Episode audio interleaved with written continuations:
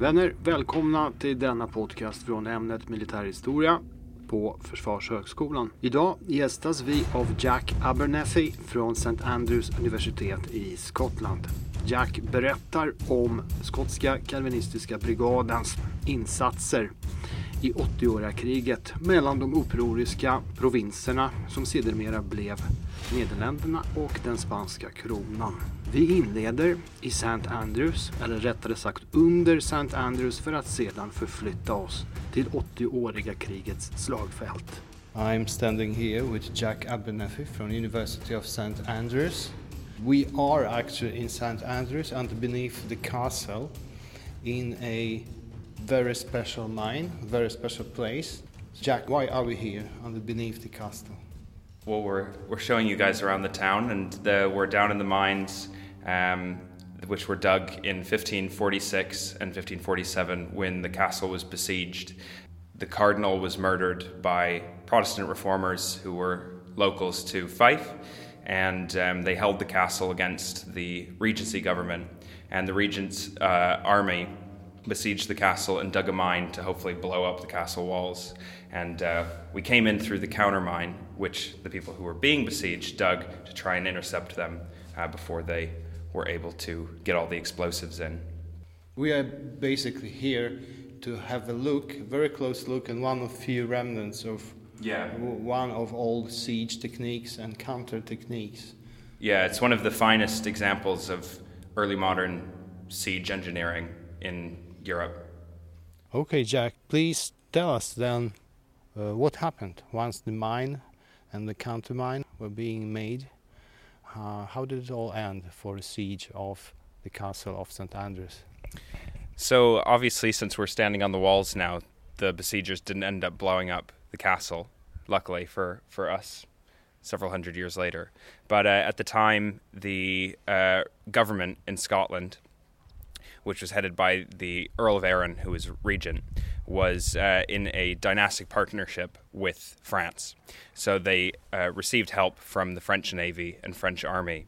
And uh, basically, just in there in St. Andrews Bay, a French fleet came in and bombarded the castle until eventually uh, those who were in the castle surrendered. In what way are events at St. Andrew's Castle in 1546 47 that we talked about uh, in the introduction recorded at the castle relate to um, deployment of Scots Calvinist brigades? Well, those who um, seized the castle and murdered the cardinal were certainly, I think it goes without saying, militant Protestants, most of whom, many of whom at least, were based in Fife, were Fife either minor nobles or in some cases um, pretty heavy hitting nobles.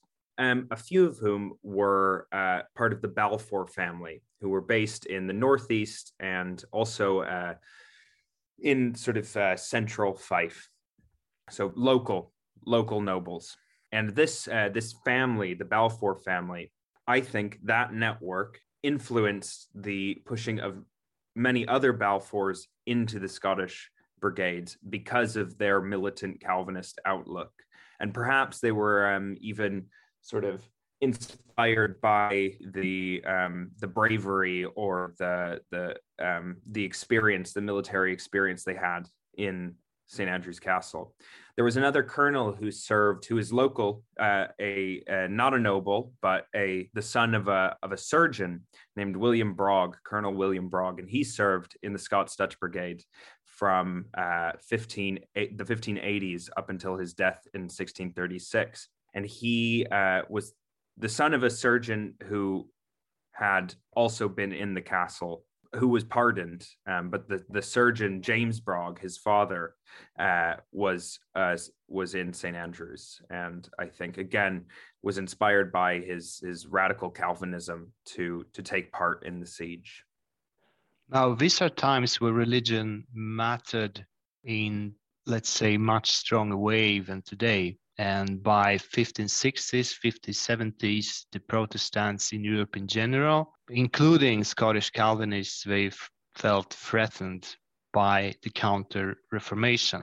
And the main Counter Reformation powers were Spain and France, in, in this part of, of the Europe at least.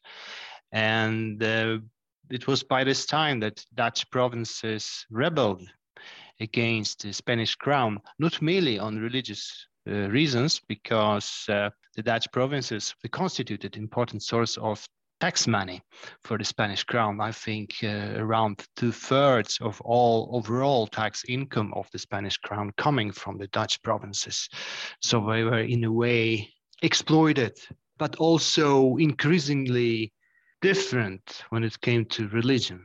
And coming back to Scotland and the Calvinist brigades, when did the first detachments arrive in the Netherlands?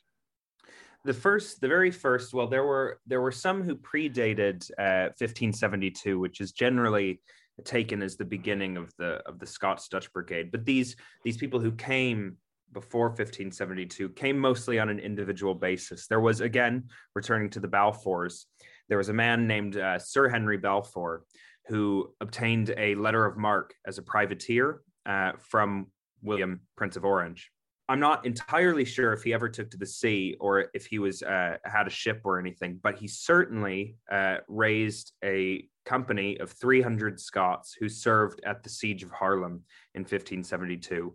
Uh, most of whom, uh, I think, all but five or so, were completely wiped out by the Spanish and executed in, in a very in very gruesome ways by being drowned in the in the lake uh, next to Haarlem or or being beheaded. Um, so I would say it's about 1570 that you we start seeing Scottish interest in uh, in in the Dutch revolt. And would there be other factors than the religious one that were pushing the Scots from Scotland proper? Because we, we can see that the Calvinist cause were, a pull factor for them, right?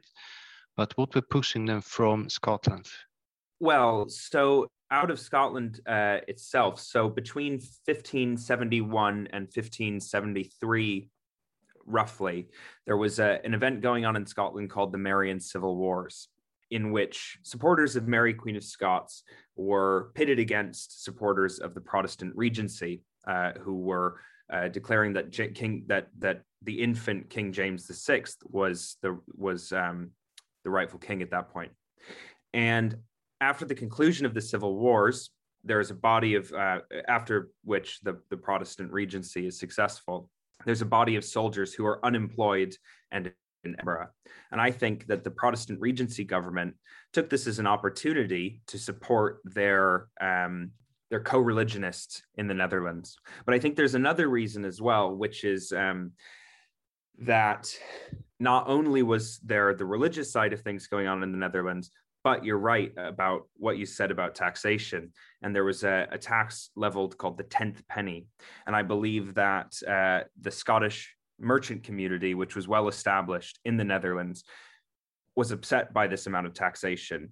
And it's no coincidence then that the chief merchant in the Netherlands, the Scottish conser- the, the chief Scottish merchant in the Netherlands, this conservator at Veere, was responsible for transporting paying for and levying uh, Scottish soldiers for the Dutch revolt. Jack, would you please tell us about the various deployments of the Scots Calvinist brigades in the 80 Years' War, a long conflict? As I said, there were several brigades uh, over this extended period of time. Uh, can you tell about deployments, their successes, their failures, their connection perhaps with the Scottish motherland, if any? Yes, of course. I'd, I'd be delighted to talk a little bit about that. So, the very first um, sort of major deployment that the Scots had in uh, the Netherlands was the Siege of Haarlem in 1572. And uh, there's a very dramatic moment in which uh, Colonel Balfour and an English captain, Captain Simons or Simmons, reinforced the city with 400 soldiers and brought in provisions uh, by dragging them across the frozen Haarlemmermeer, the, the, the lake outside of Haarlem. Um, Haarlem was not a success for the Dutch. Um, they held out for a long time, but by the end, they were reported to be eating cats and dogs in the city. And uh, finally, on July 8th, it surrendered. And actually, the surrender of the city to um, to the Duke of Alva was brokered by uh, by Henry Balfour, our our Scottish colonel who uh, who had been serving since 1570. Um, after the city surrendered, the whole garrison was just massacred. Um, and of the two to 300 Scots, I believe only five or six survived, including Balfour, some of whom had to be snuck out. Um, according to an English uh, witness to Haarlem, uh, Colonel Thomas Morgan, he said that uh, what was happening was a lot of the townspeople and the garrison were drowned in the lake at Haarlem, including another uh, captain, uh, a Scottish captain, um, and many of the others were beheaded as well. So I think around 235 um, Scottish soldiers were were executed. But Haarlem, the defense of Haarlem, was basically the first deployment of Scots. Mm. What did follow? Um, throughout the 1570s, Scots were uh, made up a lot of the garrisons around the Netherlands, in um, especially in Holland, as uh, that's where the, sort of the the, lo- the central locality of the first few phases of the revolt was the, the defense of Holland and Zeeland. But as that became more secure, they ended up in sort of the more more on the frontiers um, against the Spanish. But I suppose the next major um, major engagement of the Scots was Newport in 1600, uh, where the Scots uh, made up um, around uh, a thousand to 1500 men um, in the army of Ernst Casimir, who was uh, a Dutch general. And they were supposed to hold uh, Leffingen Bridge. Um, and again, it didn't go very well for the Scots. Um, they held out, but uh, but many were killed, uh, around 600 or so, I believe, including five captains, and many others were executed um, ahead of the Battle of Newport. Jack, the 80 Years' War was very much about siege warfare. Many modern fortresses built by Dutch money, by money coming from commerce, for which the Dutch were known by the time. Uh, can you give us a, a few examples of important events concerning the siege warfare? So, um, in the second half of the Eighty Years' War, so just after the Twelve Years' Truce, uh, the very first sort of important siege was the defense of Bergen op Zoom. So you have the Dutch defending the the the city and the Spanish coming in and besieging it. Scottish and English soldiers were present in the siege of Bergen op Zoom and served under a man named Colonel Sir Robert Henderson, um, who was Scottish and were posted sort of mostly on the south side of the city uh, in a fortification known as the Nieuwe Bekkath, uh, which you can see on maps uh, of, of the city uh, depicting the siege. There are around 1,100 Scots present in the uh, in the city, and they were spread across nine companies. Uh, and through the last weeks of July and into August, they withstood several bloody nighttime attacks um, that proved key to the eventual successful defense of the city. And repelling these these these repeated attacks um, was crucial. It was one of the costliest engagements for the brigade during the war. Of the nine company commanders who served there, two were wounded uh, and four killed, uh, including Sir Robert Henderson, who was shot in the thigh um, in one of these nighttime attacks on August 18th, uh, August 16th and he uh, died of his wounds uh, a week later or so. But they were successful in defending the city, and I think that this is sort of one of the the key moments in the early phase of the second half of the Eighty Years' War because the Dutch are proving that they still have this military might even after 12 years of truce. In 1629, there's another siege, which is uh, important not only to the history of the Eighty Years' War, but also to the, the Scots Dutch Brigade, and that's the Siege of 's-Hertogenbosch or Den Bosch. Uh, in 1629, everything was a little different for the Dutch because at this point they've successfully defended their frontiers, but now they're trying to expand and retake cities that are in the Spanish Netherlands or controlled by Spain, including Den Bosch it's this campaign where the Dutch Republic reaches its uh, its zenith of of size of its military. It amassed a field army of around thirty thousand men, uh, with an additional forty thousand who were spread throughout the garrisons of the Dutch Republic. And this was reflected directly in the Scots Dutch Brigade, which went from two regiments. So there were only two regiments for most of its history uh, post uh, 12 years truce. And so around 4,000 men to four regiments, with a third permanent regiment being added and a fourth temporary regiment, uh, which had served at the sieges of La Rochelle. Um, it had been in, in British service and then transferred to the Netherlands. we're talking about 6,000 Scots in 1629 in the Dutch army. As as far as sheer numbers of men, this was the highest point of the Scots Dutch Brigade during the entirety of the Eighty Years' War. And again, as far as numbers saw, the biggest participation of Scots in any siege on the continent during the entire period of the Thirty Years' War, including Stralsund um, on the in the Baltic it was for this their service at Den Bosch that the the Prince of Orange, then Frederick Henry, uh, declared that the Scots were the bulwark of the Dutch Republic. You just mentioned the 12 years truce starting in 1609. And what did happen to the Scots? Did they just go home? No, no. And I think too, it's quite obvious that they didn't go home because there's no way that you could have 1,100 men at Bergen op Zoom, um, who were untrained and could successfully defend that city if they had just gone home and had to be re raised. Instead, what happened? So in 1609, for a little bit of context, the Spanish and the Dutch uh, signed this truce, um, which basically uh, brought peace between them in Europe. So there is still colonial conflict going on between the two uh, further afield, but but in Europe, they're at peace despite the fact that the Dutch and Spanish were officially at peace, there are some proxy wars that happen, I think, leading to um, the eventual 30 Years' War, the outbreak of conflict uh, in Germany. In 1610 and 1614, a combined British force, so English and Scottish, they get a commission from James VI and First, which specifically says that they are a British army, intervene in two crises in Juliers Cleves, which was on the borders of the Dutch Republic in 1617 and 1618, there were also some Scots who were employed in the on the side of Venice in the Mediterranean during the Uskok War against the Holy Roman Empire. So again, we're starting to sort of see almost as though I think, uh, though I'm no, I'm certainly no expert on 20th century conflict. It often seems that the Spanish Civil War is seen as sort of a proxy war to eventually World War II. I think that these are sort of similar conflicts, Juliers Cleves and the Uskok War. And of course, as the Thirty Years' War breaks out with the Spanish and the Dutch still at peace, Scots and English soldiers go to defend uh, the prince, or sorry, the king and queen of Bohemia, and in the defense of the Palatinate as well.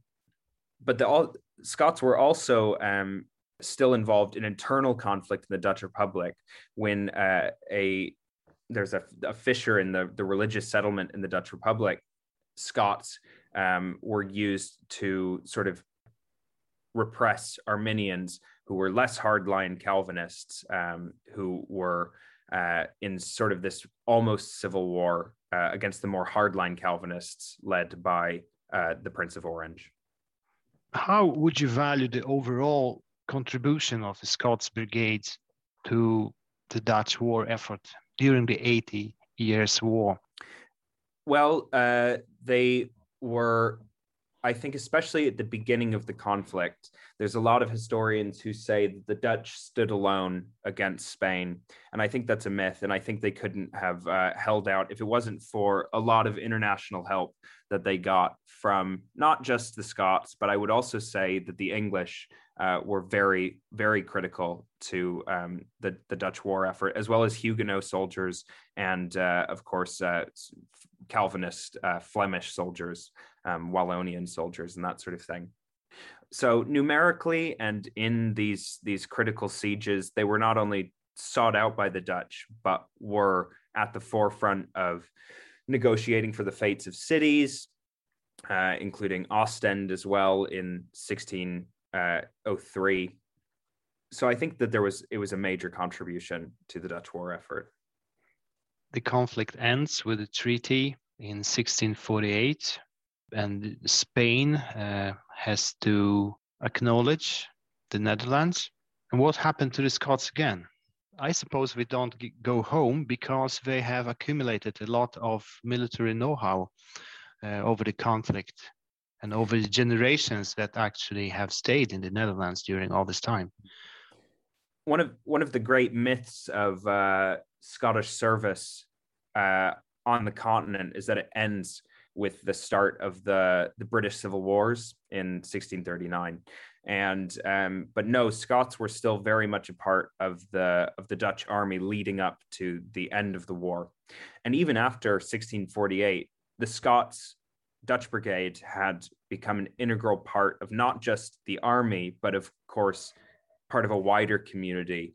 Um, I think the nature of siege warfare lent, lent itself to a lot of assimilation and also to intermarriage with the Dutch populace. So now you start to have this self sustaining um, Scots Dutch Brigade, which you have the, the sons of soldiers who stay in the Scots Dutch Brigade, whether or not they're first gener- or first generation Scots who come over, second generation Scots, or half Scots, uh, half Scottish, half Dutch.